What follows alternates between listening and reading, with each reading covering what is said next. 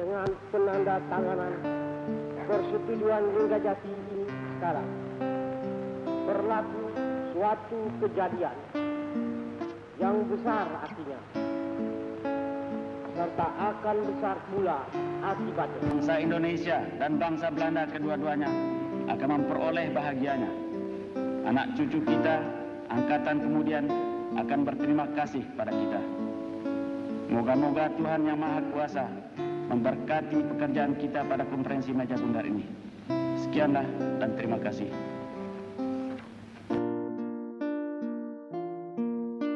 Ayo bangsa Indonesia, revolusimu belum selesai. Jangan berhenti, sebab siapa yang berhenti akan diseret oleh sejarah.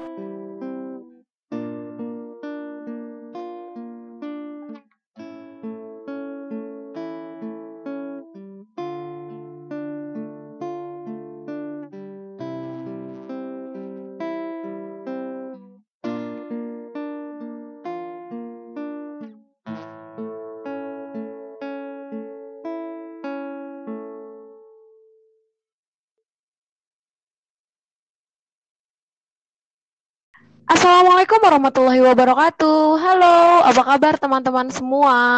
Kembali lagi pada podcast para guru sejarah hari ini bekerja sama dengan MGMP Sejarah DKI Jakarta. Pada pertemuan hari ini kita bakal ngebahas materi sejarah selanjutnya. Cie, selanjutnya apa sih itu?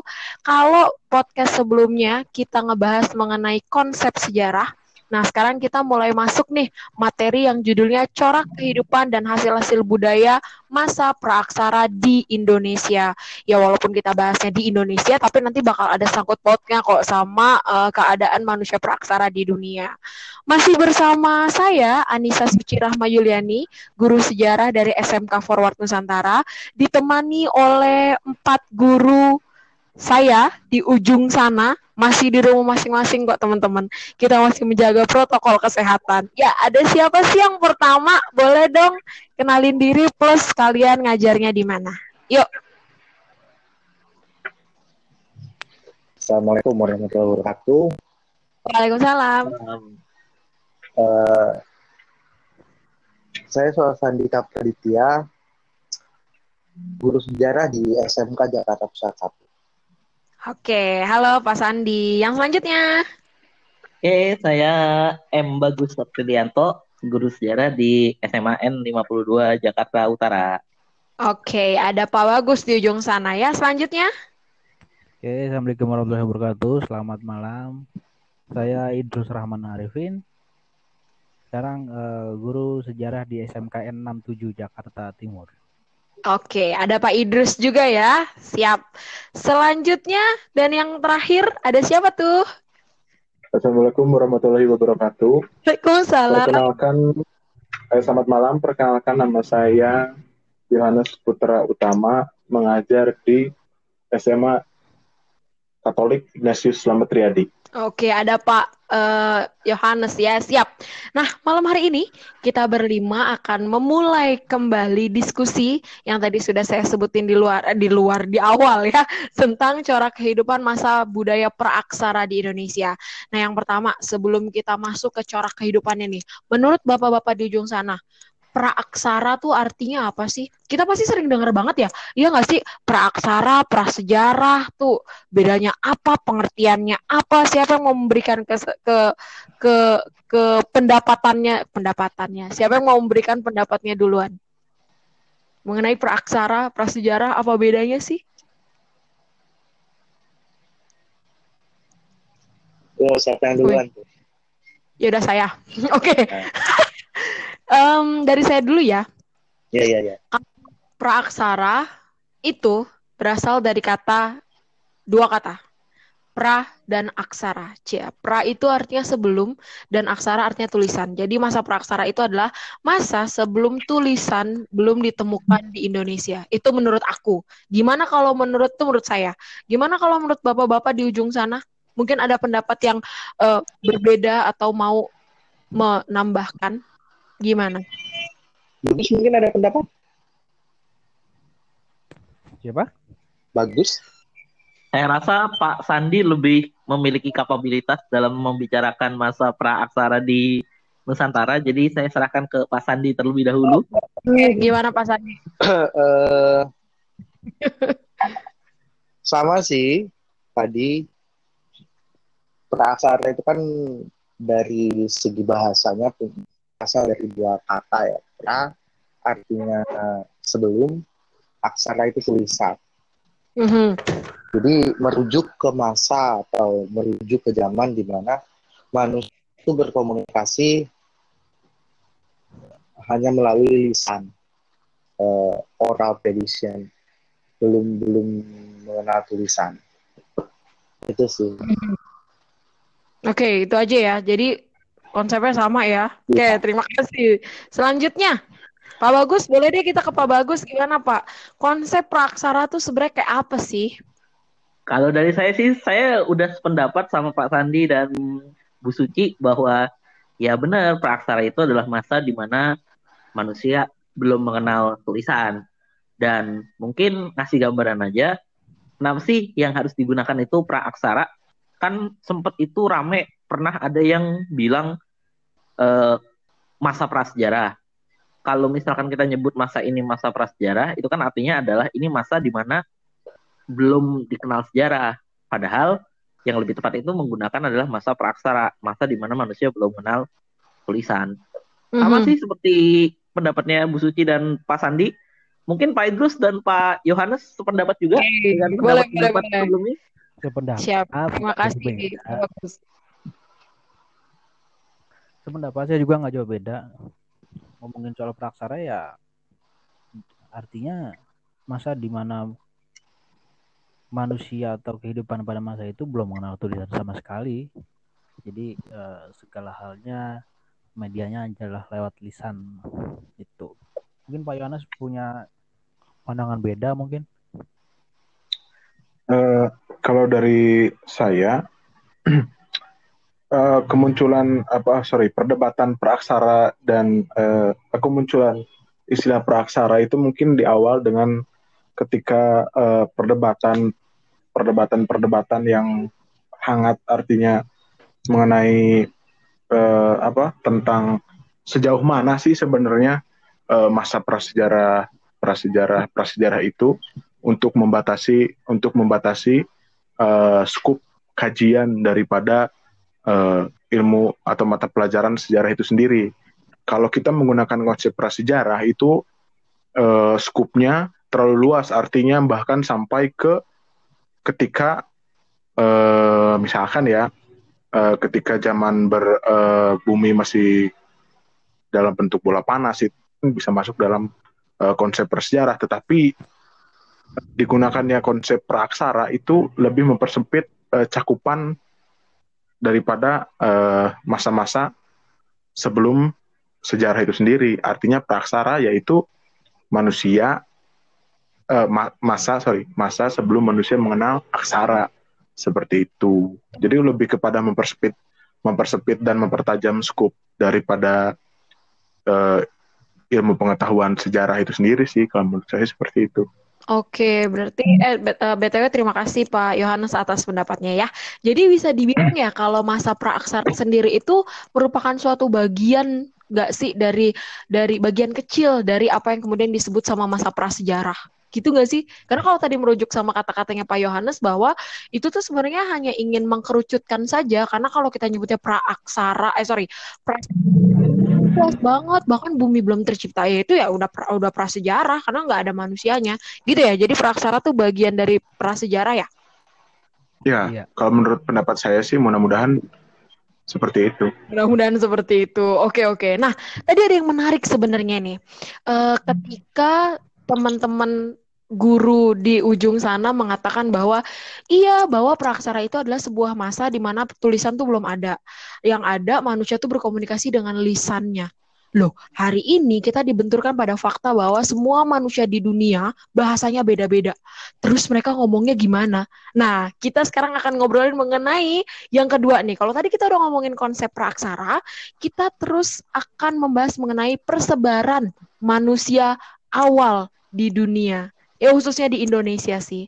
Yang akan membawakan adalah khusus malam ini, ya Pak Suar Sandika, yang nanti akan ditemani oleh Pak Bagus. Jadi kita bertiga mendengarkan dulu saja ya penjelasannya kita kita beri waktu untuk Pak Sandi dan Pak Bagus untuk menjelaskan mengenai persebaran manusia peraksara pertama di dunia kepada Pak Sandi dan nanti Pak Bagus kita persilahkan.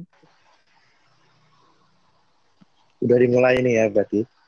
Hmm. Bagus mau mulai duluan? Ya. Bagus. Saya nggak megang materi apa-apa, jadi silakan Pak Sandi mulai dulu. Sepakat. Gimana nih barusan yang sama macam Pak Sandi loh.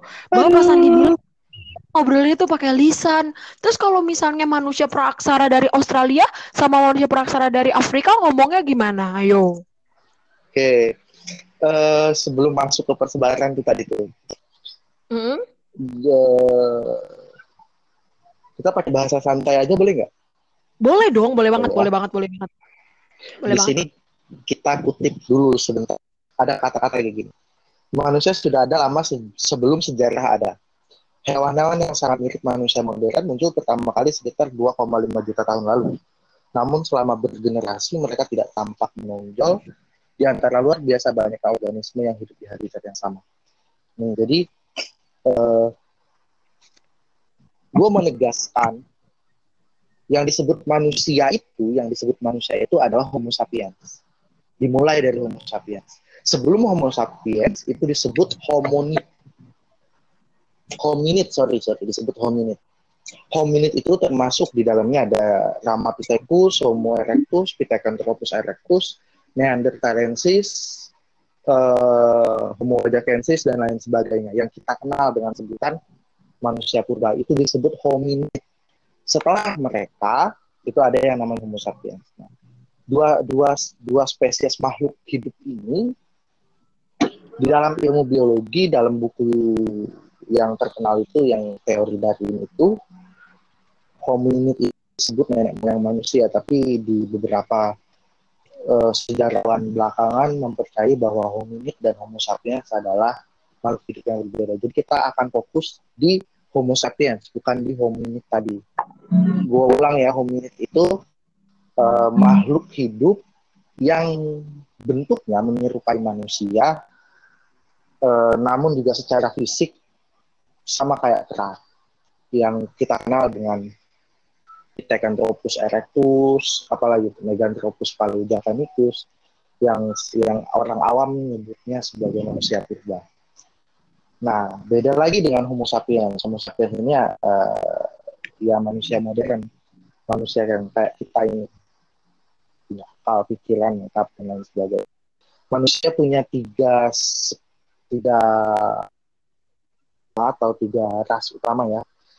Yang pertama ada negroid, yang kedua ada mongoloid, dan yang ketiga kaukasoid.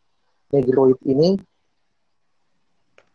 negroid ini orang-orang eh, yang berkulit hitam atau yang yang tinggal di Afrika. Mongoloid ini orang-orang yang ber, bermata sipit berkulit kuning. Kaukasoid ini orang-orang yang tinggal di wilayah Asia Tengah, orang-orang Arab, orang-orang Eropa. Itu Kaukasoid.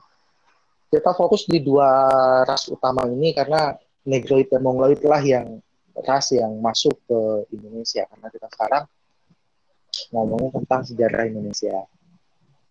Nah, ras di antara dua ras yang masuk ke Indonesia, yang masuk ke Indonesia ini ada dua. Golongan pertama atau gelombang pertama orang atau manusia yang masuk ke Indonesia itu adalah ras Negroid. Ras Negroid ini mendiami wilayah Indonesia Timur.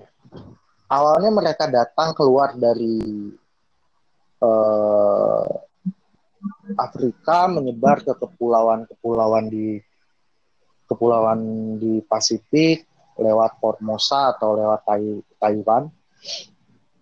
Nah, orang-orang Negroid yang menyebar ini disebut dengan orang Austro-Melanesia. Austro itu artinya selatan, Melanesia, Melanesia itu yang mendiami kepulauan kepulauan kecil atau yang sering juga disebut Australoid. Nah, orang-orang ini yang awalnya mendiami wilayah Indonesia, mereka hidup atau menetap di pulau-pulau besar di pulau-pulau utama di Indonesia sampai nanti uh, kedatangan manusia gelombang kedua. Kebudayaan yang mereka bawa itu menghasilkan alat-alat kayak kapak genggam yang sederhana-sederhana kayak gitu. Nah, Negroid ini ciri-cirinya uh, ya bisa kita lihat kayak orang-orang timur lah, orang-orang Indonesia timur rambut keriting, berkulit uh, gelap atau hitam atau coklat gelap, berhidung besar, mendiami wilayah mulai dari Nusa Tenggara Timur sampai ke Ambon, Maluku, dan Papua. Itu tempat tinggal mereka di Indonesia orang-orang uh, Negroid ini atau subras Negroid yang disebut dengan Austronesiasia. Jadi uh, untuk menyebutnya, untuk menyebut orang-orang ini tuh disebut dengan orang-orang Melanesia, bukan lagi orang Negroid karena orang Negroid itu sendiri banyak dan yang menyebar ke Indonesia itu adalah orang-orang Melanesianya. Oke, itu ya.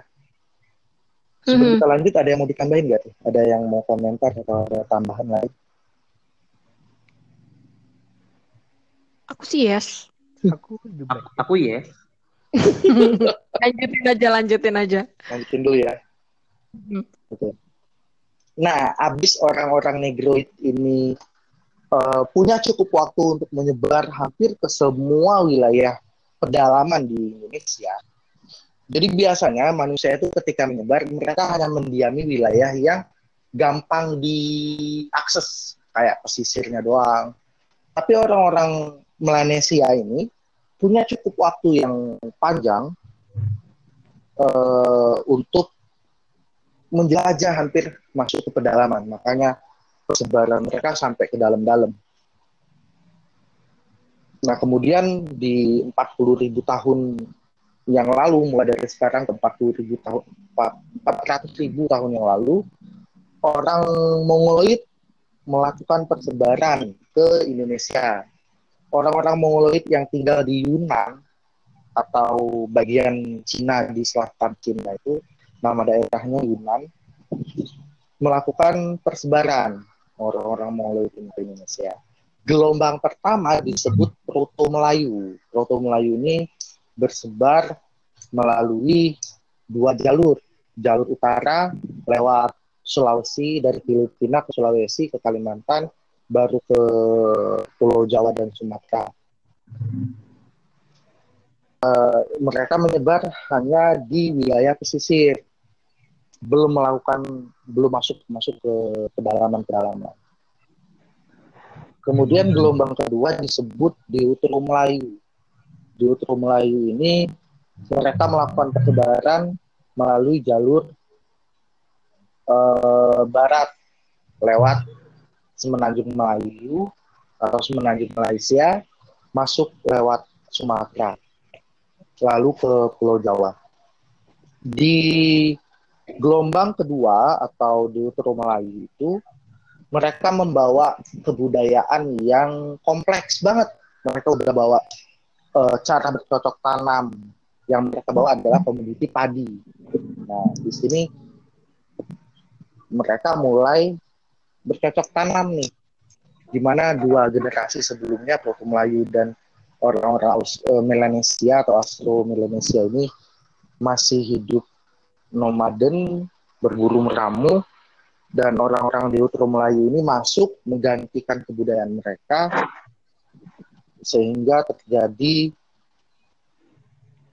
turasi dan orang-orang duit atau orang-orang e, Melanesia ini terdesak karena kebudayaan orang di Utara Melayu lebih maju harus berbagi tempat yang sama untuk memperoleh makanan ya mau nggak mau ada salah satunya yang kalah dong Nah, yang kalah di sini adalah orang-orang Indonesia yang terpaksa maju ke, ke timur, lebih ke dalam lagi.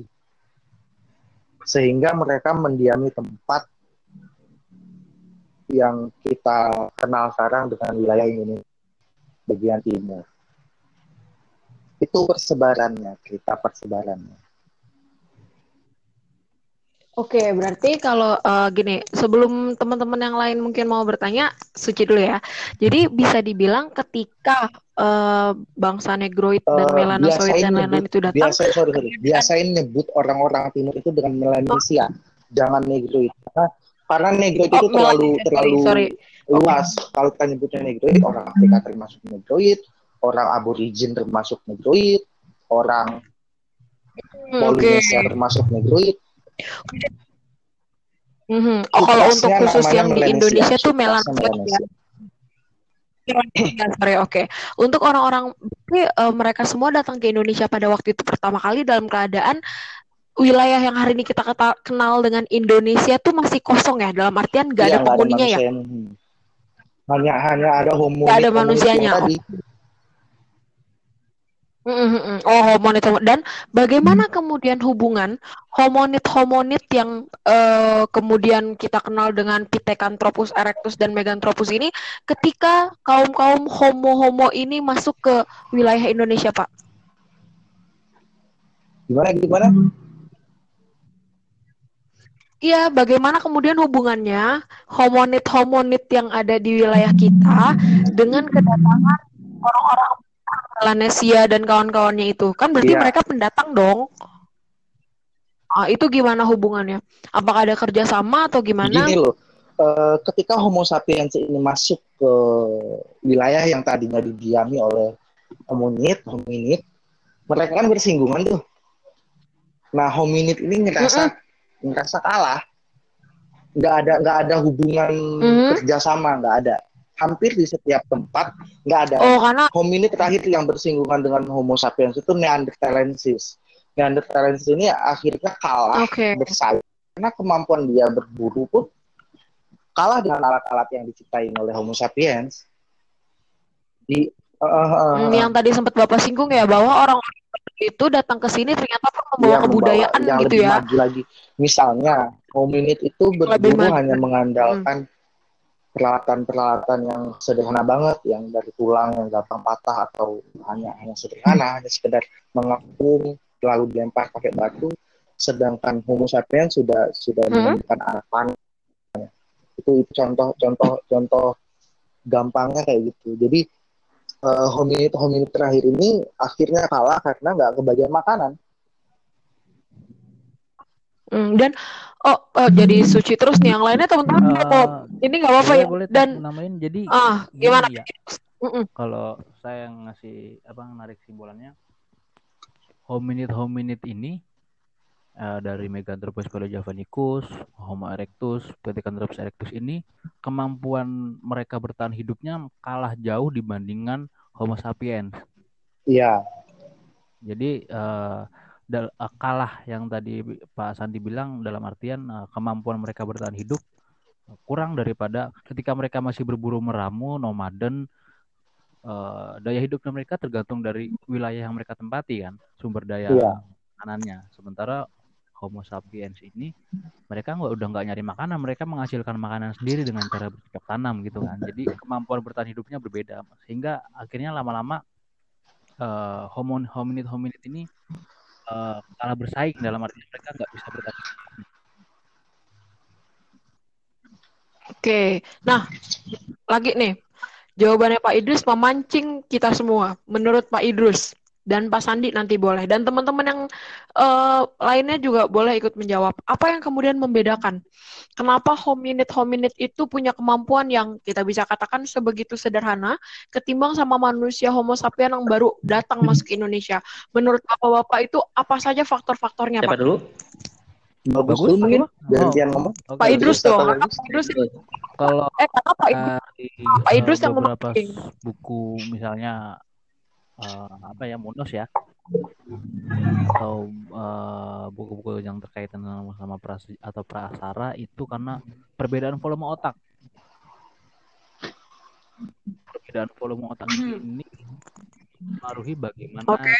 uh, para hominid dan homo sapiens ini uh, bertahan hidup karena perbedaan volume otak ini kaitannya kaitannya nanti sama cara berpikir mereka. Ketika uh, volume otaknya kecil itu cara berpikirnya sederhana. Ketika volume otaknya sudah besar mereka cara berpikirnya uh, kompleks. Bisa menghasilkan segala sesuatu yang tidak bisa dihasilkan sama hominid sama volume otak yang lebih kecil. Kalau dari saya itu mungkin nanti bisa ditambahkan sama yang lain. Sudah Oke, okay. itu aja. Kalau buat teman-teman yang lain? Kalau dari gue sih mungkin hmm? nambahin kenapa nantinya para uh, manusia-manusia homonid yang ada di Nusantara itu dalam tanda kutip kalah bersaing dengan para pendatang. Saya ngutipnya sih dari bukunya James McClellan, James McClellan yang Science and Technology in World History. Kata kuncinya itu cuma dua, zona nyaman Eh, masyarakat-masyarakat homonid yang udah lama di Nusantara ini bisa dibilang mereka sudah lama hidup di zona nyaman. Mereka hidup di suatu lingkungan yang di mana lingkungannya itu menyediakan berbagai kebutuhan sumber daya alam mereka. Sehingga manusia-manusia homonid ini yang ada di Nusantara secara inovasi dan secara cara berpikir itu benar-benar tertinggal mereka sudah terbiasa dengan yang namanya kenyamanan. Tidak ada semacam pembaharuan lah dalam cara berpikir. Makanya mereka posisinya terdesak oleh eh, para pendatang baik itu Melanesia, Proto ataupun Deutero Melayu. Karena udah terbiasa hidup enak lah. Hidup enak, hidup manja, gak ada tantangan. Ya ketika dihadapkan dengan sebuah tantangan, mereka nggak siap untuk bersaing. Itu sih tambahannya. Oke, kalau tadi Pak Idrus berarti menyinggung soal uh, fisiologis ya, yaitu mengenai perbedaan volume otak. Kalau Pak Bagus menambahkan soal memang ada apa ya semacam perbedaan cara hidup ya, sih, gitu lebih gitu nggak sih? Uh, uh. Oke, kalau Pak Yohanes mau menambahkan apa yang menurut Bapak membedakan manusia-manusia homo? Oh, gangguan sinyal ya. Oh, he's gone. Is gone. Ya udah. Ini nanti bagian ini dipotong aja, dilanjutin aja. Oke, okay, uh, eh, Pak Sandi gimana? Silakan dilanjutkan lagi. Tadi baru sampai penjelasan proto ya? Eh deutro, deutro. Uh, udah sih kalau untuk persebaran, tapi hmm. tadi kalau mau nambahin dikit uh, tentang kenapa mereka-mereka itu homin-homin itu bisa kalah bersaing, ya faktor-faktornya banyak. Eh, faktor fisiologis, faktor zona nyaman, uh, ya itu tadi kebiasaan-kebiasaan mereka yang yang gini gini. Uh, kalau Suci ingat waktu jadi pembicara ngebedah buku Sapien, ya, ya, saya ingat, bilang, si tulis bilang hewan-hewan yang sangat mirip manusia modern itu muncul pertama kali sekitar 2,5 juta tahun yang lalu ya. Artinya kan uh, hmm. di sini dia ngomong secara gamblang bahwa si hominid ini bisa disamakan dengan hewan-hewan. Artinya kita nyambung ke pernyataan hmm. dari uh, Pak Idrus sama Pak Bagus tadi. Ya volume otak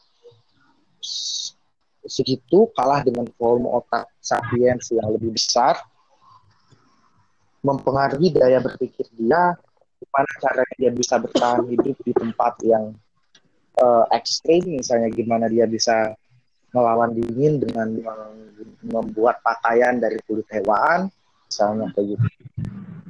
Yang membuat mereka akhirnya sapiens yang mampu membuat teknologi untuk mengubah uh, hidup mereka, sedangkan hominid tidak mampu membuat teknologi yang bisa menguntungkan dirinya.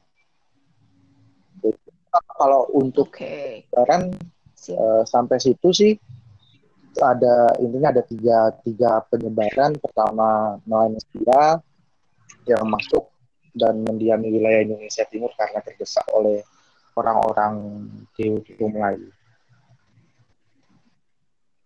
Oke, berarti awalnya um, teman-teman nggak tuh teman-teman Milanesia loh saya mau jawabnya loh. Jadi uh, orang manusia manusia-manusia Milanesia itu awalnya tuh hidupnya sudah di bukan berarti bukan langsung di wilayah timur Iya. Indonesia ya. Berarti di pesisir-pesisir barat Eh, gitu di ya. Indonesia Gimana? Barat kita bisa ketemu sama teman-teman Melanesia ini eh, di wilayah suku-suku Batak. Gue lupa eh, ininya nama sukunya dan posisi tepatnya, tapi di dekat suku-suku Batak yang tinggal di daerah Sumatera Utara itu eh, bagi Melanesia itu masih hidup di situ. Di situ ada ada mereka tinggal apa? Buktinya? Buktinya Buktinya? ada di bukunya Peter Bilut bisa dicek nanti eh, untuk untuk anak-anak yang dengar podcast ini juga nanti dengan gurunya masing-masing bakal di share kali ya ada kan hidupnya kita megang dari bagus kemarin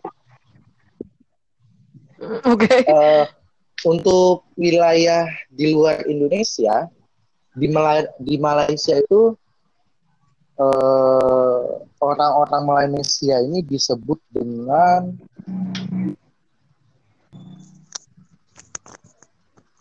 di Kelantan hidupnya di semenanjung Malaysia di Kelantan di Malaysia.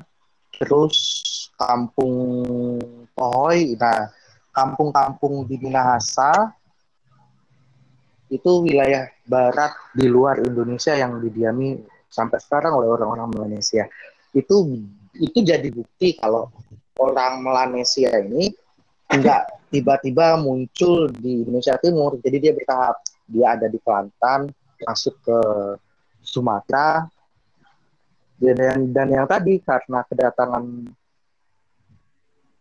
Deutero Melayu atau ras Mongoloid di fase Deutero Melayu mereka akhirnya terdesak sampai nggak ada sisa sama sekali di Indonesia Barat hanya sisa di dikit di dikit-dikit tempat atau di beberapa tempat dan mendominasi wilayah Indonesia Timur. Oke, kalau tapi kalau kalau Suci bisa bayangin ya, itu tuh eh, ini sih cukup dramatis sih dalam artian sebagai pendukung eh pendukung kehidupan pertama kan mereka di barat. Terus tiba-tiba ada orang nih, orang baru gitu ya, datang, ya ampun aku jiper gitu. Terus dia menggeser sedikit menggeser sedikit. Terus ternyata eh ada ada gelombang baru lagi. Aduh aku makin terdesak gitu. Terus akhirnya mereka tinggal makin ke Iya. timur gitu nggak sih? Jadi kayak ada ah, kayak ada pergantian gitu akibat akibat apa? Te- keterdesakan tadi itu Tapi ya eh, gini, nggak bukan dalam artian di Indonesia tuh unik ya, bukan bukan penggantian itu bukan serta merta menghilangkan ya, tapi di sini mereka menyisakan peninggalan, nggak nggak benar-benar hilang. Peninggalannya itu satu bahasa, kesamaan bahasa. Kesamaan bahasa. eh, oke bahasanya itu kalau dari buku Peter Bilut itu disebut bahasa Austronesia. Austronesia itu menurunkan Austronesia. bahasa Melayu. Bahasa Melayu, bahasa Papua Mhm. itu termasuk dalam tumpun bahasa Austronesia yang ditinggalkan oleh orang-orang Melanesia tahap awal. Jadi mengakulturasikan. Ada beberapa kok yang kawin campur. Makanya kemudian hasil dari kawin campur itu menyebabkan orang-orang Mongoloid di Asia Tenggara khususnya di Indonesia nggak seputih dan nggak sesipit orang Mongoloid yang ada di wilayah Cina, Jepang, Korea. Hmm. Korea Oh. iya Asia, Asia Timur ya. Iya iya iya tuh makanya jadi buat teman-teman yang merasa ih kenapa sih kulit aku tidak putih seperti opo-opo Korea? Gitu. Ya memang dari dasarnya pada pada hitoh dan hakikatnya kita memang berbeda dengan orang-orang yang sana. Ah, karena dan- itu dan yang cerita panjang memang- tadi itu ya. Ada dan hakikatnya memang di Indonesia ini tempat percampuran ya. Tempat percampuran dari awalnya tuh ini ini udah tempat yang beraneka ragam Oh, wah, Bineka Tunggal Ika, Masya Allah. Luar Oke, oke, oke. Siap, siap, siap. Gimana? Luar, guru luar biasa ya penjelasannya. Pak Sandi. Guru PKN juga, benar, benar, benar. Cocok Multi sekali, skill. cocok sekali. Terus gimana dari multi skill? Oke, dari teman-teman sendiri ada yang mau nambahin lagi soal persebaran? Atau ada yang mau nanya? Nah itu silakan Pak Yohanes. Gimana? Hmm, paling tadi kan udah disinggung semua ya Hmm. mengenai volume otak, terus eh, apa lingkungan, lingkungan juga lingkungan juga yang menurut saya mempengaruhi perkembangan otak dari Homo sapiens ya. Kenapa Homo sapiens bisa lebih berkembang daripada hominid hominid atau manusia-manusia kera sebelumnya ya salah satunya karena memang volume otak yang besar yang dipengaruhi oleh uh, lingkungan yang ekstrim tadi seperti itu. Kemudian paling uh, yang coba saya tanyakan apakah persebaran manusia purba terutama homo ya jenis homo itu ada kaitannya dengan uh, paparan Sunda dan paparan Sahul. Oh, oke. Okay. Lebih pada geografisnya ya, Pak Yohanes ya bertanya ya. Siap, oke. Okay. Itu aja, Pak. Pak Yohanes bisa dijelaskan nggak paparan Sunda tuh di mana, paparan Sahul tuh di mana? Oke. Okay. Bisa dipaparkan nggak paparan-paparannya?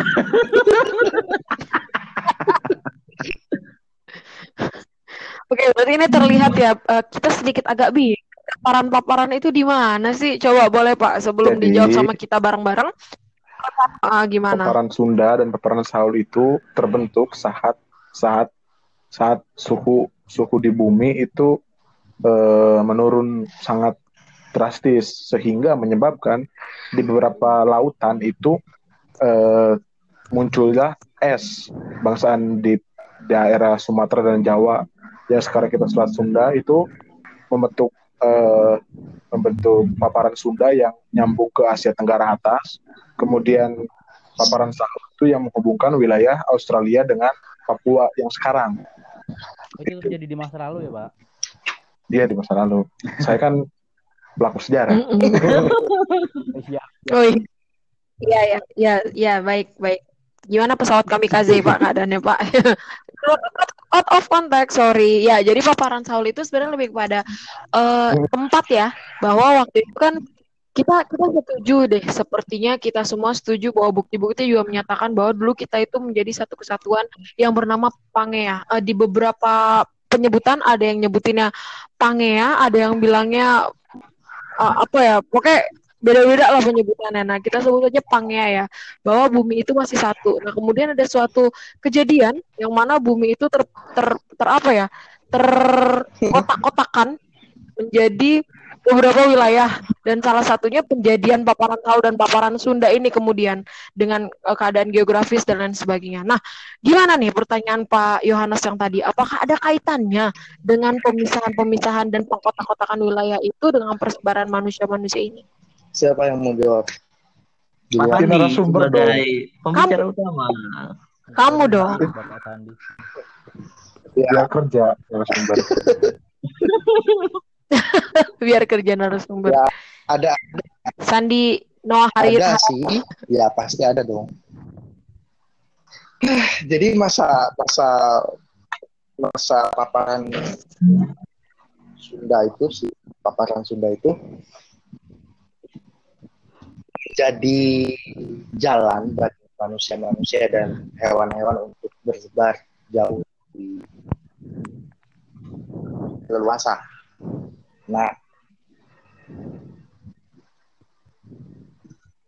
paparan Sunda ini dan paparan Sahul menjadi jalan bagi ras-ras manusia itu tadi untuk tiba di wilayah kita sekarang. Itu sih jadi jadi jalan karena kan antara Asia Tenggara daratan sama sama Asia Tenggara kepulauan menyatu daratan nggak nggak ada laut yang memisahkan. Begitu juga dengan wilayah mm -hmm. Papua dan Australia. Makanya dari segi uh, manusia dan hewan ada kesamaan kan antara wilayah Indonesia Barat hewan-hewannya sama wilayah Asia Tenggara dan wilayah Asia yang disebut dengan wilayah Oriental uh, sama wilayah Indonesia Timur dengan wilayah Australia hewan-hewan juga ada penyelidikan itu akibat dari uh, adanya paparan Sunda dan paparan Saudi. Nah pas pas air laut atau zaman es itu hilang, air laut kan meningkat lagi volumenya. Uh, paparan Sunda ini tenggelam lagi di bawah laut sehingga membentuk pulau-pulau kepulauan Indonesia terbentuk paparan Sunda hilang gitu. Tidak ada tambahan lain dari Oke. Aku sih yes. Mungkin kalau misalkan agar lebih mudah mengimajinasikannya, mungkin nanti bagi teman-teman yang dengar podcast ini, coba ingat-ingat eh, film SX. ya film Ice. Pada ingat kan film SX? Ya. Nah, di Ingat. film SX itu kan intinya sebenarnya memberikan gambaran kepada kita tentang bagaimana zaman S. S. Nah, bagaimana bumi itu nantinya dalam tanda kutip terpisah-pisah wilayahnya. Itu nantinya pasti memiliki kaitan dengan yang namanya persebaran nenek moyang yang ada di dunia termasuk di Nusantara. Itu sih tambahin dikit. Mm-mm. Oke, jadi buat teman-teman yang denger, kita rewind lagi, kita tonton lagi dari SX pertama Lima, sampai lima. SX tuh udah berapa sih? Empat ya? Lima. Lima. Empat ya? Lima malah. Oh, saya jujur Yang baru nonton sampai yang ketiga. paus itu yang sama sekali. Ya, yang kelima itu yang ada kapal luar angkasanya. Yang tu- Iya, yang tupai tupainya yang udah lewat Yunani berarti. udah. Oh. Masya Allah. Masya Allah. Sudah, Sudah jauh pokoknya. Ya, sudah. Oh, sudah jauh. Age. Ya, lanjut lanjut lanjut lanjut. Film Nanti kita bahas habis ini ya. Ya, oke. Ya ya. Maaf maaf. Oke, nanti kita di podcast selanjutnya ya. Terima kasih Pak sudah membantu. Oke, itu tadi mengenai persebaran teman-teman. Tadi kita udah ngebahas mengenai bahwa ada manusia, oh sorry, ada masa proto, deutro dan eh, lain-lain sebagainya yang masuk ke Indonesia. Selanjutnya cara kehidupan. Ini yang sebenarnya bikin pusing nggak sih kita semua? Pertama kita harus ngapalin masanya. Kalau menurut anak-anak ya, kita harus ngapalin masanya, Bu. Terus kita harus tahu juga di dalam masanya itu ada apa. Nah, kebetulan kalau saya salah nanti eh, dikoreksi nggak apa-apa ya. Masa kehidupan praaksara di Indonesia itu dibagi menjadi dua, ya nggak sih? Masa masa zaman batu dan zaman logam. Nah ini yang menjadi banyak obrolan sih di antara eh, anak-anak dan guru-guru. Maksudnya anak-anak banyak bertanya gitu kepada guru sejarah di materi ini.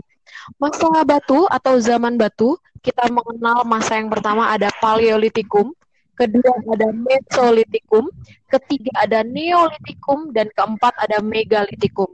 Terus kalau di zaman logamnya, Indonesia mengalami yang namanya masa perundagian. Coba Pak Sandi mungkin bisa memancing kita semua untuk nanti berdiskusi. Meso, eh sorry, Paleo, Meso, Neo, dan Mega itu kayak apa di Indonesia? Dan apakah masa ini juga dialami di Zimbabwe Utara? Atau dialami di New Zealand bagian barat daya? Coba silakan dijelaskan ke kita semua. Vanuatu, Eko ketawa sih. udara. Ya maaf dong. Silakan. Bisa mungkin bisa eh gini gini. Nanti Bagus, Nanti- Pak, bagus, Pak, bagus, bagus. bisa bagus gimana? dulu nanti biar gue tambahin soalnya gue nggak terlalu megang eh, sumber-sumber bahan-bahan untuk bukti-bukti atau peninggalan-peninggalannya nih kayak di masa yang pertama itu Mesolitikum jenis tampaknya apa gue nggak megang Mhm. Oke, boleh. Kita mulai dari Pak Bagus dulu kalau gitu ya. Baru tektok ke kita semua. Gimana, Jadi Pak? kalau dari gua sih mudahnya ya, kan kita bicara zaman kehidupan nih. Jadi kita harus bisa memposisikan diri kita hidup seperti manusia yang hidup di masa tersebut. Otomatis kita coba ngebayangin bagaimana kondisi lingkungan manusia di masa tersebut akan berpengaruh terhadap gaya hidup masyarakat di masa itu.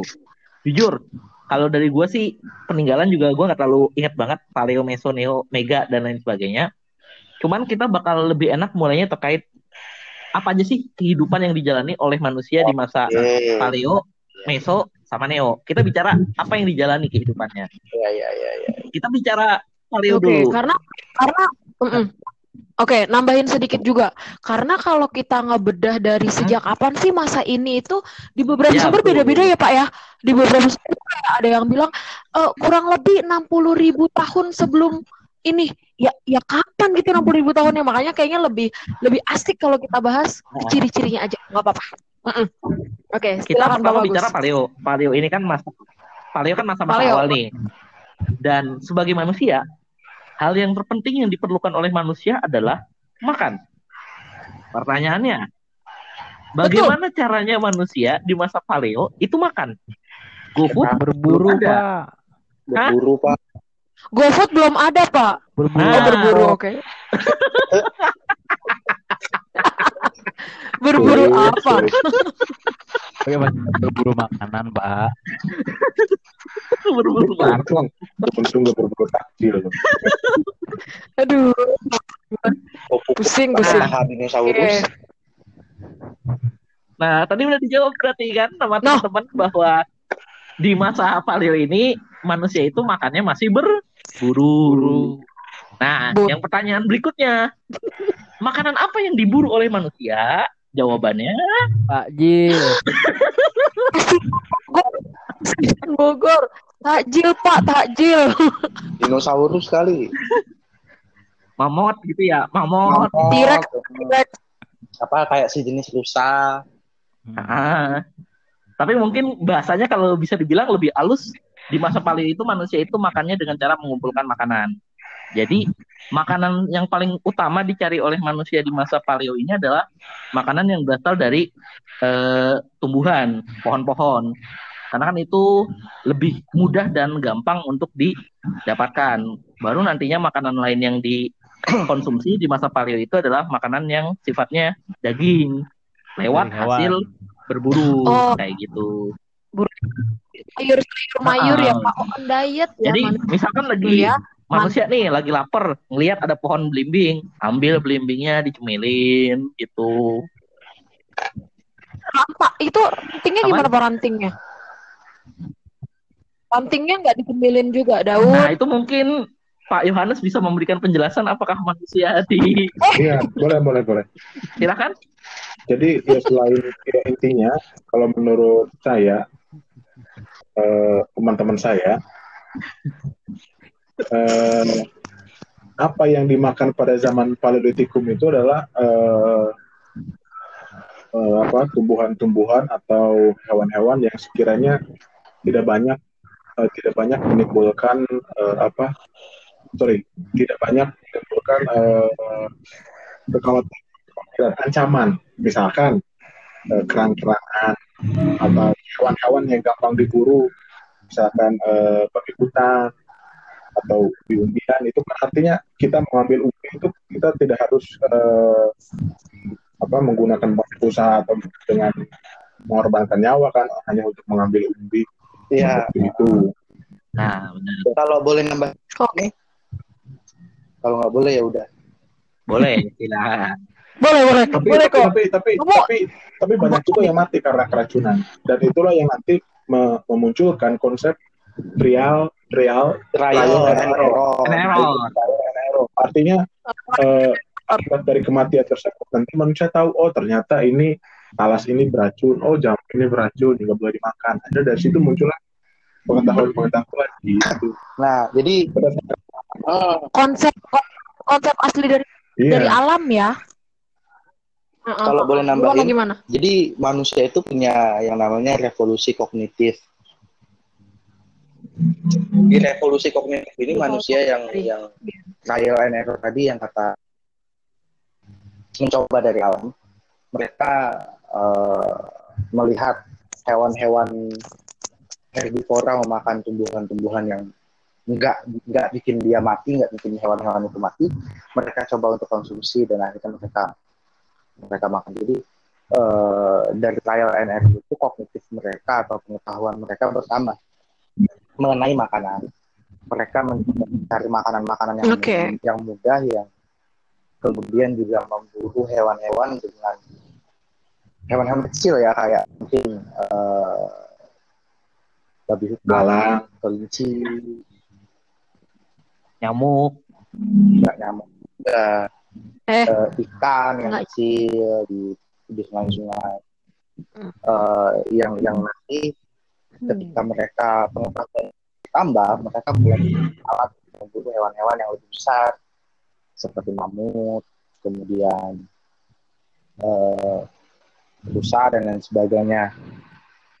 Revolusi itu kan terjadi nggak nggak ber tapi karena trial and error tadi itu proses yang panjang dimulai dari yang Mhm. sederhana dulu men- men- mencari umbi-umbian bukan buah-buah beri misalnya atau buah-buah di pohon-pohon yang jatuh Buah kuldi misalnya. Buah kul di dibuanglah Adam dan Hawa ke bumi. Oke, gitu, siap. Selanjutnya, apalagi Pak Bagus kalau tadi kita udah soal makan-makan dan berburu dan meramu, gimana nah, masa paleo? kan udah makan nih. Kalau udah kenyang, berarti enaknya ngapain? Mhm. Nah, Tidur. Manusia udah kenyang, tidur, pasti butuh tempat untuk yang namanya berisi rahat. Jahat. Nah, tentu kita bertanya-tanya dong, kira-kira di zaman paleo manusia ini tinggalnya di mana? Ada yang bisa menjawab? Kontrakan Haji Miing, bukan? Maafin, Gak tahu Pak, aku Coba gak Pak ngerti. Pak. Apa tuh gimana gimana? Di manakah PT paleo apa manusia paleolitikum tinggal? di. Gua Hero Wah, iya. Eh, Kontrakan Haji Miing.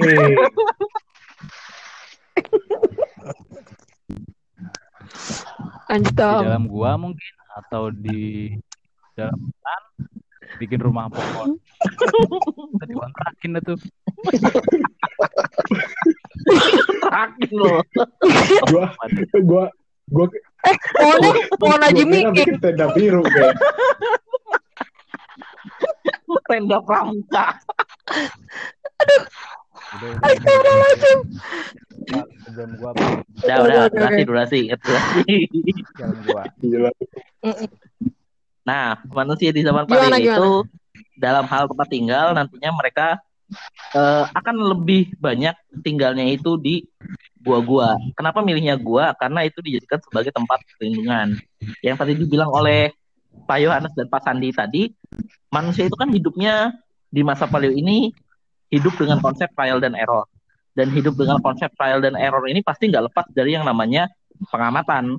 Manusia pasti berupaya mengamati lingkungannya, bagaimana caranya dia untuk menga- mengantisipasi berbagai ancaman yang ada di lingkungannya. Dan salah satu ancaman kan yang bisa jadi bahaya buat manusia di masa paleo adalah cuaca, seperti hujan, petir, dan lain sebagainya. Nantinya makanya manusia di masa paleo itu eh, mulai tinggal di gua-gua. Dan terakhir, ketika manusia itu eh, di masa paleo ini makannya didapatkan dari mengumpulkan makanan, otomatis kan manusia di zaman paleo ini eh, makannya itu sangat bergantung dari alam.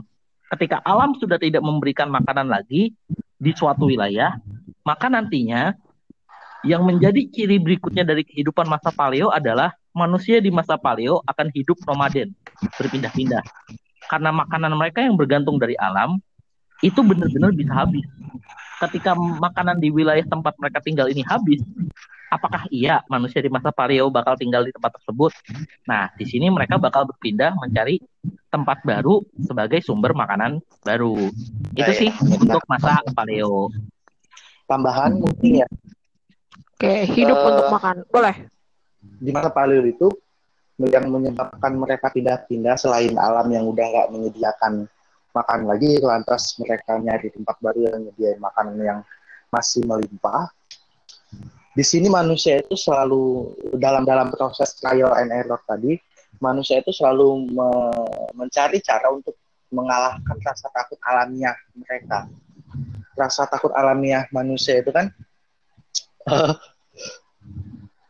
apa mulai dari eh, ketinggian takut jatuh Ketinggian gelap takut dengan Takut gelap. suara-suara yang keras dan suara-suara yang bising keras gitu kayak suara auman binatang misalnya auman-auman hewan-hewan buas Mhm. takut dengan hewan-hewan buas dan takut kelaparan itu ketakutan ketakutan alamiah manusia yang yang sel- dibawa secara genetik dari manusia yang awal sampai kita yang hidup di sekarang. Kita masih takut dengan ketinggian takut jatuh takut gelap, takut lapar Hmm, takut cuaca takut jatuh dan bisa kontrol lagi. jadi dengan dengan eh, kemampuan berpikir mereka dengan revolusi kognitif itu mereka mencari cara sehingga nanti di perjalanannya mereka berpindah-pindah tempat untuk mengalahkan rasa takut mereka dengan makan di tempat yang baru mungkin eh, banyak makanannya eh, nyari buas sebagai perlindungan dari eh, hewan-hewan buas Nah, untuk untuk mengalahkan rasa takut mereka terhadap kegelapan eh, di masa Paleolitikum ini, eh, mereka di masa Paleolitikum akhir mereka mulai ketemu dengan yang namanya cara membuat api. Ini yang kemudian nanti Oke. Eh, mereka berhasil mengalahkan rasa takutnya terhadap jadi dalam kegelapan pun mereka masih bisa eh, membuat api untuk untuk sekedar eh, apa melihat sekitar di tempat tinggal mereka di gua-gua itu. Oke. Yang lain ada tambahan? Aman? Yes. Peralatan, peralatan, peralatan. Oke. Oh, peralatan kehidupan. Oke, di masa Paleolitikum ada apaan aja sih? Tulang-tulang. Iya, dari Paleo tuh udah ada tulang ya? Kita, kita, ujung kita tombak, harus- mata tombak dari tulang. mm-mm. kita harus Oke. banyak Berarti berimajinasi zaman Paleolitikum. tulang. Mhm. Hmm. Banyak ngebayangin ya. Oke. Eh, setelah dari Paleolitikum kita akan bergeser ke masa Mesolitikum. Ya, masa seperti apakah itu? Lanjut. Lanjut. Lanjut. Oke. Lanjut. Kan tadi manusia itu di masa paleo itu makannya bergantung dari alam ya, dengan mengambil makanan-makanan yang simpel. Nantinya di Meso ini mulai ada sebuah pergeseran cara makan. Eh, bukan cara makan sih. Cara mencari makanan yang akan dilakukan oleh manusia. Yaitu nantinya di masa Mesolitikum ini manusia dalam mencari sumber makanannya, mereka akan cenderung mencari sumber makanan di tepi sungai atau di daerah pantai. Kira-kira kenapa sih nantinya manusia mulai bergeser mencari makannya itu ke daerah tepi sungai atau ke daerah pesisir pantai? Karena ada air. Kenapa dengan air? Karena habis makan perlu minum. Oh, mungkin selain habis makan perlu minum, mungkin manusia purba itu anak indi, Pak. Jadi suka ke pantai, Pak. Gimana Kan tuh, pada Pak? dasarnya yang harus diingat adalah apa pun makanannya, minumnya Air. Air pantai. Gila, gila. Parah. Tapi kan sebenarnya ini berkaitan dengan tadi penjelasan Pak Sandi tentang yang namanya trial and error. Bagaimana manusia di masa purba ini ngelakuin pengamatan? Pasti mereka mau mengamati yang namanya kehidupan para hewan dong. Ya. Ketika mereka mengamati kehidupan para hewan, rata-rata hewan itu kan dalam hal mencari sumber makanan, mereka akan mencari ke daerah-daerah sumber air. Baik itu yang ada di tepi sungai atau yang ada juga di daerah pantai. Di sinilah nantinya manusia berupaya beradaptasi dengan lingkungannya. Ketika mereka tinggal di tepi sungai, mereka bisa mendapatkan sumber-sumber makanan hasil sungai atau hasil pantai yang cukup banyak dan mereka juga bisa lebih mudah dalam berburu hewan-hewan karena hewan-hewan itu terkonsentrasi di sumber-sumber air. Jadi nggak terlalu sulit untuk yang namanya dicari hewan-hewan ini agar bisa diburu. Dan cara hidup masyarakat masa Mesolitikum yang tinggal di daerah tepi sungai atau pinggir pantai ini nantinya kan bakal tercermin di satu peninggalan yang paling dikenal dari Mesolitikum yaitu namanya Kejoken Modiger. Kejoken Modiger ini kan adalah sampah-sampah dari laut atau sampah-sampah makanan masyarakat di masa Mesolitikum yang kebanyakan konsumsinya itu adalah makanan-makanan dari laut seperti misalkan ikan, terus kerang, mungkin lobster, mungkin kepiting, atau bisa aja megalodon. megalodon Wow. kita nggak ada yang tahu. Wow. Aku lapar. Ada yang mau Oke. nambahin dulu mungkin tentang makanannya? Aku sih, Aman. Aman. Berarti ketika kita udah bicara tentang yang namanya cara manusia masa meso ini mencari sumber makanan yang udah di tepi sungai sama pinggir pantai, nantinya manusia di masa Mesolitikum ini akan lebih dominannya itu menetap di gua-gua yang berada di tepi sungai atau di pinggir pantai. Ini nantinya dikenal dengan yang namanya peninggalan uh, Abricosroch namanya. Gua-gua tempat tinggal manusia pada masa Mesolitikum. Dan di masa Mesolitikum ini manusia itu secara cara tempat cara bertempat tinggalnya ya kan di masa paleo itu manusia itu benar-benar nomaden banget di masa Mesolitikum ini bisa dibilang manusia gak terlalu sering berpindah-pindah tempat karena tepi sungai dan pesisir pantai ini memberikan sumber makanan yang cukup lama. Makanya berpindah-pindahnya itu tidak seintensif ketika di masa Paleolitikum. Itu sih untuk gambaran kehidupan di masa Mesolitikum. Ada perubahan, cuman perubahannya belum masif. Yang akan menjadi perubahan total itu baru di Neolitikum. Itu sih mungkin dari saya. Oke. Okay. Alat-alatnya coba Pak Idrus mungkin. Bisa apa Mesolitikum ya? Kalian tadi bilang kan ada perubahan cara cari makan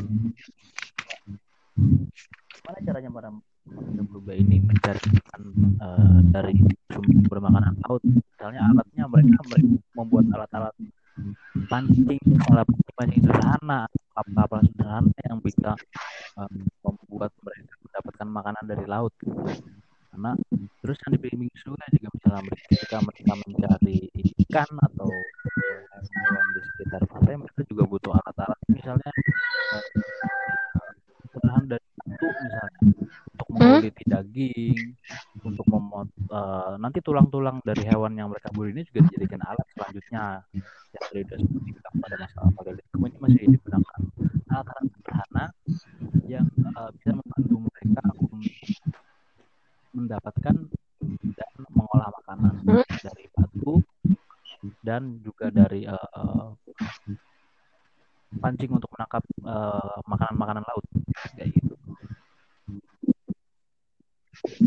Oke.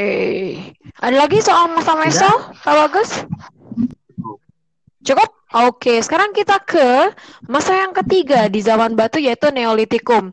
Dari beberapa buku yang saya baca, Neolitikum ini disebut juga dengan masa yang mana eh, teman-teman uh, manusia purba di masa lalu, teman-teman gak tuh, mengalami yang namanya lonjakan kebudayaan. Iya nggak sih? Nah, apa itu lonjakan kebudayaan? Nah, kembalikan kepada nah, bagus. Berhubung masa Neolitikum ini akan memiliki kaitan yang erat dengan bagaimana terjadinya dalam tanda kutip ya lonjakan kebudayaan atau mungkin revolusi kebudayaan di masyarakat dan hal ini itu terjadi karena berkaitan dengan bagaimana Nusantara itu kedatangan uh, masyarakat-masyarakat pendatang. Mungkin dari Pak Sandi bisa menjelaskan tentang perubahan yang terjadi apa aja sih di masa Neolitikum karena kan ini adalah perubahan yang sifatnya itu sangat drastis banget dalam kehidupan manusia di masa Neolitikum. Silakan Randy. Uh, tadi kan pas di masa Mesolitikum manusia itu pindah-pindahnya nggak intens, nggak nggak cepat, nggak nggak mungkin bisa dibilang enam bulan sekali baru pindah gitu ya atau yeah. nggak nggak yang langsung langsung pindah gitu. Jadi mereka masih punya waktu untuk berpikir oh. punya spare waktu. Kontrakannya cocok. Jadi pindah-pindahnya lama. Apa yang harus dilakuin gitu. nah, mereka menemukan cara untuk bercocok tanam. Nah bercocok tanam itu dimulai deh, dimulai di masa ini nih di masa paling nah, bercocok tanam uh, di pers, di di dekat sungai kan dekat tinggal dekat bersumber air. Di dekat sumber air ini mereka bikin pertanian. Nah manusia mengubah hidup mereka yang dari tadinya mereka itu yang uh, membutuhkan tenaga ekstra untuk mencari sumber buruannya sampai berkilo-kilometer. Sekarang mereka hanya hanya tanam lalu menunggu hasil tanaman mereka itu untuk panen. Nah, nggak mungkin dong pas mereka tanam ditinggal gitu aja, balik lagi pas mau panen kan nggak mungkin. Ada harus ada yang ngejagain, ada yang ngelindungin, harus ada yang sayangin gitu kan. Jadi mereka Mhm. memutuskan untuk tinggal pula di situ membangun perumahan-perumahan awal. Nah, jadi di sini udah Diawali dengan Iya, menjaga jadi udah udah tanaman nemu tadi ya. macam nih tahap pertama nemu dua dua macam. Yang pertama bercocok tanamnya pertanian. Eh, di beberapa buku yang ditanam pertama kali oleh mereka atau yang di eh, eh, apa domestikasi oleh mereka itu di, di kembang jati oleh mereka itu yang pertama gandum, padi, eh, dan jenis umbian macam mungkin eh, kentang atau mungkin Ubi, eh, singkong Ubi, itu ya. yang tanam nah jadi Oh, berarti, berarti ketika Pak Sandi barusan menyinggung mengenai pertanian, gelombang-gelombang manusia yang Pak Sandi jelasin di awal tuh datangnya di masa Neo ya? untuk yang proto Melayu dan di Melayu makanya tadi kan eh, gue sempat Oke. bilang di, si bangsa Melanesia itu punya cukup waktu untuk masuk ke pedalaman Maka mereka masuknya ke Mm-mm. Indonesia ini dari masa Paleo Paleo Oke, eh, paleo. Mm-mm. Neolitikum ini kan punya waktu yang panjang kan yang waktunya Neolitikum dulu Mhm. tapi punya spare waktu yang cukup panjang Eh, lanjut lagi Oke. tadi eh, mereka udah punya tempat tinggal jadi kan dari sejak nanam sampai tumbuh itu kan butuh waktu yang berbulan-bulan dong ya apa yang manusia lakuin selama Mm-mm. mereka nunggu tanaman itu tumbuh Kopi. Hmm, ngobrol ngobrol. Iya. Ngomongin tetangga. Ngomongin Haji Miing. Ngomongin kontrakan Haji Miing yang baru. Nah, kita singkat aja kali ya. Jadi sambil menunggu menunggu waktu, waktu dari waktu tanam sampai waktu panen itu, mereka mengeksplorasi lingkungan sekitar. Bukan pindah ya, tapi mengeksplorasi. Artinya gini, Bertualang bukan Pak? Ya berpetualang. Mereka mencari mencari tempat-tempat untuk di mungkin di, di per- untuk memperluas pemukiman. Nah, mereka mulai mengeksplorasi. Nah, ketika mereka eks- mengeksplorasi ini, mereka ketemu dengan dengan pertanyaan besar karena mereka punya waktu banyak, punya banyak punya waktu banyak untuk, untuk mikir. Mereka mulai memikirkan dari mana asal usul manusia, siapa yang menciptakan manusia, dan muncullah di sini eh, awal mula eh, pertanyaan-pertanyaan dasar eh, untuk untuk manusia pikirin dan akhirnya membuat kepercayaan sistem kepercayaan Nah, di ini Oh. oh. Mhm, Jadi di masa-masa sampai bengong mereka mikir ya.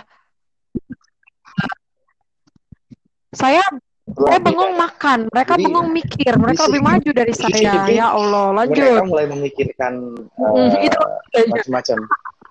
Eh, mereka mulai melihat bintang lalu muncul pengetahuan eh, tentang astronomi, ya, astrologi ya, sorry astrologi, menghitung rasi-rasi astrologi bintang, dong. menemukan sistem, mem- membuat sistem kepercayaan, menyembah roh-roh nenek moyang, membuat kuburan-kuburan batu untuk tetua-tetua mereka yang mati, lalu eh, roh-roh mereka yang sudah mati itu dianggap sebagai pelindung, lalu disembah, membuat sesembahan-sesembahan, dan yang paling penting selama masa panen itu membuat struktur sosial. Siapa yang harus memimpin? Siapa yang makanan yang sudah dipanen? Di mana tempat menyimpannya? Di situ mulai terbentuk pemukiman-pemukiman awal. Nah, itulah yang dimaksud oleh Pak Bagus tadi dan uh, Bu Suci tentang fungsi kebudayaan. Uh, mereka mulai membuat struktur sosial. Nah, mm -hmm. uh, untuk seketika struktur sosial udah dibikin, mereka mulai membentuk hukum sosial. Nah, kalau di buku yang gue baca uniknya, hukum sosial, hukum pertama kali yang dibikin oleh manusia itu lewat gosip. Jadi manusia gosip itu untuk membatasi gerak-gerik manusia. Jadi hukuman yang paling berat itu ketika mereka sudah digosipkan. Nah itu itu itu sih mungkin ada tambahan. Jadi di masa Mesolitikum ini mereka mulai ketemu mas uh, kepercayaan, kemudian uh, struktur sosial siapa yang memimpin yang harus dibagi, membagikan makanan, hidup udah mulai menetap, bikin rumah-rumah sederhana dari kayu, itu sih. Sebenarnya ada animisme, dinamisme, sama. Kalau kepercayaannya apa aja tuh pak? Animisme itu kan roh uh, roh roh nenek okay. yang kita sembah dinamisme itu benda-benda dan tangkon batu misalnya. Kalau totemisme itu hewan. Misalnya mereka percaya kalau macan itu jelmaan dari uh,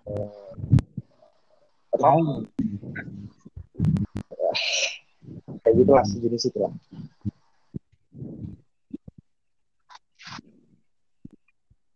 Oke, okay. itu masa Neolitikum. Ada yang mau menambahkan teman-teman di ujung sana? Tadi, itu sudah bersinggungan dengan yang namanya masa Megalitikum. Karena mm -hmm. yang mungkin harus uh, teman-teman pendengar podcast ini pahami bahwa Megalitikum itu bukan zaman kehidupan. Mereka bukanlah sebuah zaman yang mencerminkan sebuah kehidupan baru di masyarakat praaksara. Tapi megalitikum adalah cerminan dari bagaimana masyarakat di masa neolitikum melahirkan praktik-praktik kebudayaan baru dalam bentuk sistem kepercayaan. Karena ketika mereka menjalankan praktik sistem kepercayaan tersebut, mereka akan melaksanakannya dengan pembangunan monumen-monumen yang berkaitan dengan sistem kepercayaan tadi. Karena kan kalau udah bicara megalitikum, kita bicara menhir, mm-hmm. kita bicara domain, kita bicara sarkofagus, sesembahan-sesembahan, yeah. waruga dan lain-lain. Jadi ya coba mm-hmm. uji dah gitu aja. Oke, okay, berarti hmm? Ya, jadi bisa dibilang bahwa masa megalitikum itu adalah sebuah ya. masa implementasi ya dari apa yang ditemukan di masa neolitikum. Dan kenapa Kum disebutnya lonjakan kebudayaan karena banyak hal-hal yang tidak ada di masa Paleo dan Meso Betul. muncul kan oke gitu ya. Oke. Pak Yohanes sama Pak Idrus ada tambahan? Yang paling fenomenal sih kalau menurut saya ada dua hal ya. Pertama sosial, nanti yang kedua adalah sistem kepercayaan. Nah, kita bayanginnya gini uh, manusia bangsa okay. kenapa bisa tiba-tiba kepercayaan? Karena uh, balik lagi ke pernyataan Pak Sandi tadi ada yang mereka takuti ada sesuatu yang mereka anggap itu di luar kontrolnya mereka kenapa? Kenapa bisa tiba-tiba hadir kenapa tiba-tiba hujan? Kenapa uh, nah mereka, mereka mulai uh, mempercayai bahwa ada satu kekuatan besar yang nggak tahu nih apa makanya mereka untuk dari perlindungan dari yang mereka takuti ini. Misalnya mereka mulai berpikir mungkin uh, apa namanya nenek moyang nenek moyang mereka nih yang, yang semua hal ini. Akhirnya mereka mulai mulai berubah. Ini nenek moyang mereka caranya atau uh, implementasinya adalah mungkin memberikan persajian, meminta perlindungan dan sampai kali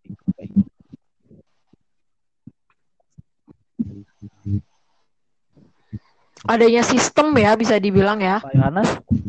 Iya. Uh, uh, udah di oh sorry udah disebutin semua sama Bapak Ibu guru sebelumnya Pak. Dari saya akan nambahin tentang api uh, api itu merupakan salah satu teknologi yang sangat sangat terutama sejak secara kelestarian munculannya secara tersedia api itu hanya dibuat pengembangan pilihan dari tersebut uh, dipakai untuk uh, apa memasak daging ya, memasak daging api tersebut uh, ini dari dari awal Mesolitik, uh, sorry dari awal Mesolitik nggak apa-apa ya. Kemudian dari dari dari dari memasak daging itu Gak apa kok. bisa digunakan membuka lahan seperti itu. Membuka lahan dengan menggunakan teknik slash slash and burn. Artinya manusia udah mulai merusak alam dengan apinya.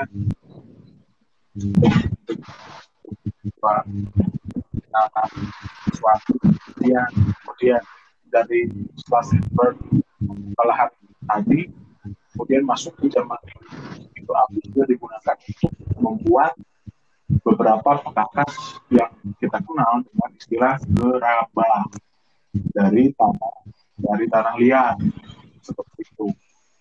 Oke, gerabah. Oke, tadi Pak Yohana suaranya uh, apa namanya putus-putus ya. Tapi kalau yang bisa saya dengar adalah nantinya uh, manusia-manusia ini akan menemukan uh, satu apa namanya kerajinan ya? yang nanti akan terbentuk gerabah gitu ya. Ya. Ah, ah, putus putus putus putus kalau yang kedengeran di saya. Oke, em, itu masa mega sampai masa mega ya. Kita sudah selesai pada zaman batu di Indonesia. Setelah eh, zaman batu oh sorry, masa praksara kembali lagi dibabakan menjadi zaman logam. Nah, seperti apa zaman logam? Apakah kemudian ada toko-toko emas di setiap gang rumah gitu kan? Gimana penjelasannya mengenai zaman logam Siapa yang atau menjelaskan? perundagian di Indonesia? Yohanes mungkin.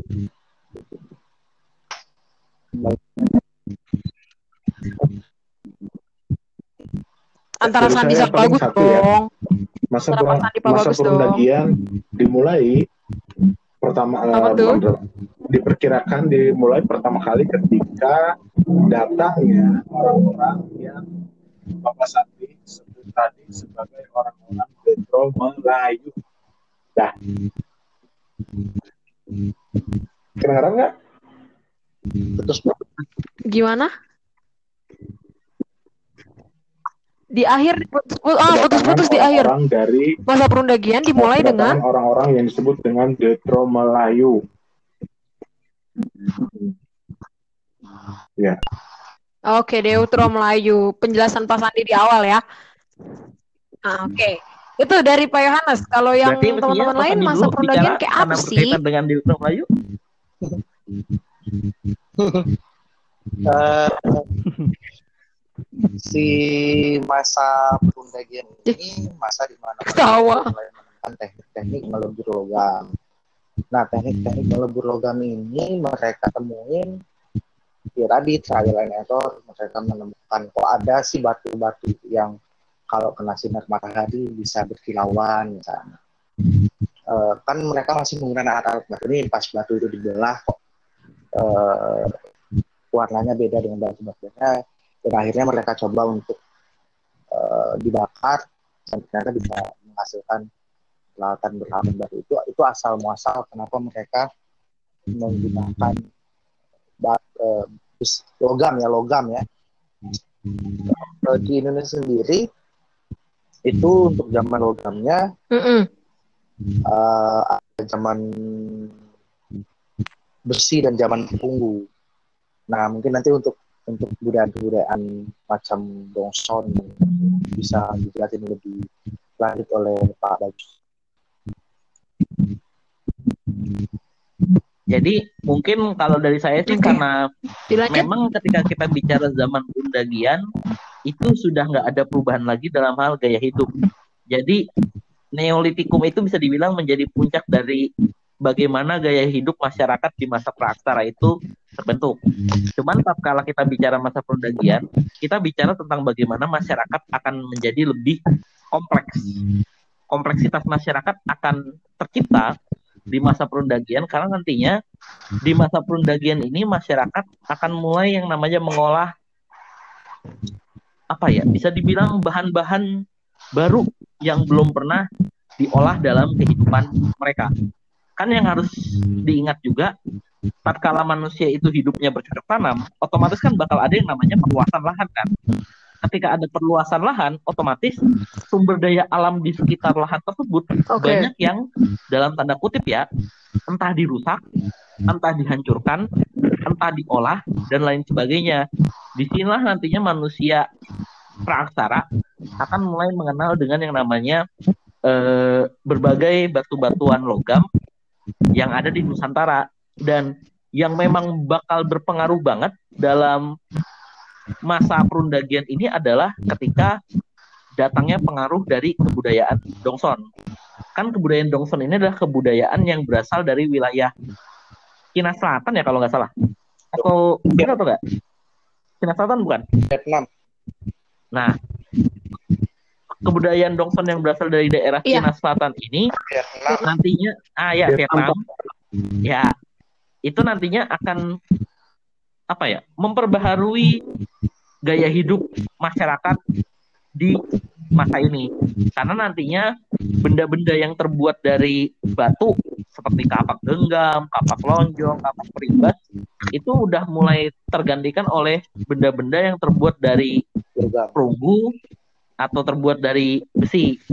Dan yang harus dipahami juga zaman perundagian ini bukan hanya menghasilkan yang namanya benda-benda berkaitan dengan berburu, tapi logam-logam yang tadi yang nantinya dihasilkan di masa perundagian ini juga melahirkan yang namanya berbagai macam perhiasan dan juga alat-alat yang mendukung dalam hal pelaksanaan upacara-upacara ritual berkaitan dengan sistem kepercayaan masyarakat.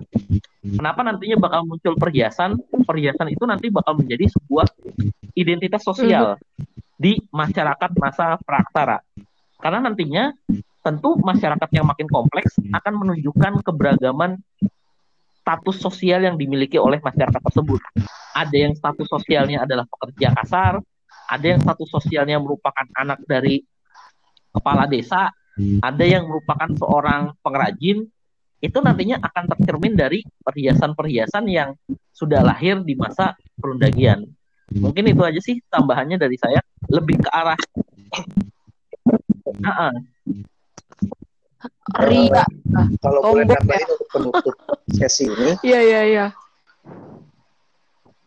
eh, tadi kan sempat disinggung revolusi kebudayaan ya di mata Mesolitikum. Nah di bagian akhir Mesolitikum itu karena manusia ini udah punya banyak waktu untuk mikir, banyak banget waktu luang mereka. Jadi mereka menemukan eh, media berkomunikasi, media berkomunikasi yang akan selalu diingat oleh manusia, oleh orang-orang eh, bahkan sampai beratus-ratus tahun depan, yaitu cara menulis di atas batu. Nah di di, di Mesolitikum akhir inilah kemudian akan mengakhiri pembicaraan Oke. kita untuk masa praksara.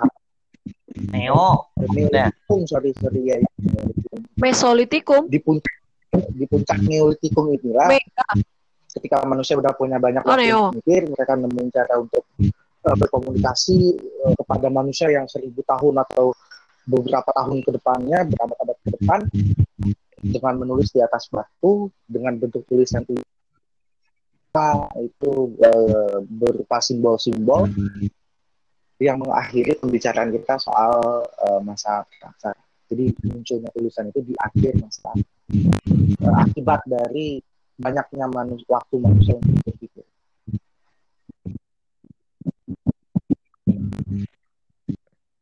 Oke, salah satu hasilnya tulisan itu tadi ya. Oke, kalau dari Pak Yohanes sama Pak Idrus mungkin tadi udah disinggung untuk mengakhiri pembicaraan, yaitu harusnya kerjaan saya. Gimana dong? Coba Pak Yohanes sama Pak Idrus mungkin mau menambahkan soal perundagian atau soal masa akhir dari megalitikum sebagai zaman batu gimana?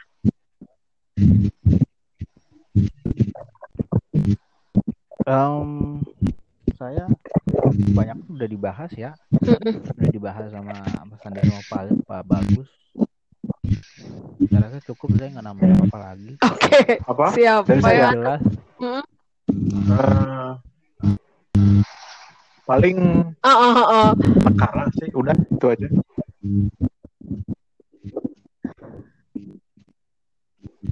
Oke, siap. Terima kasih ya. Em, mungkin nanti kurang lebihnya obrolan mengenai eh, materi ini yang dari podcast kita bisa mungkin ditanyakan lebih lanjut sama guru sejarah masing-masing di sekolah masing-masing ya. Karena eh, tujuannya adalah hanya untuk membantu saja teman-teman untuk mendengarkan materi ini. Tapi ada satu pertanyaan saya yang tadi belum terjawab.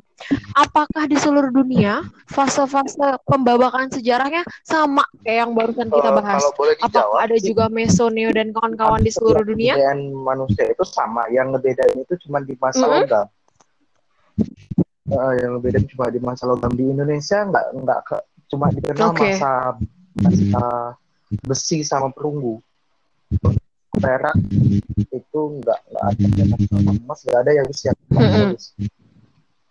Ya, jadi itu yang bedanya jadi biasanya dan umumnya yang yang berbeda itu di masa-masa akhir tapi untuk dari masa logam ke belakang itu sama semua kok Oke,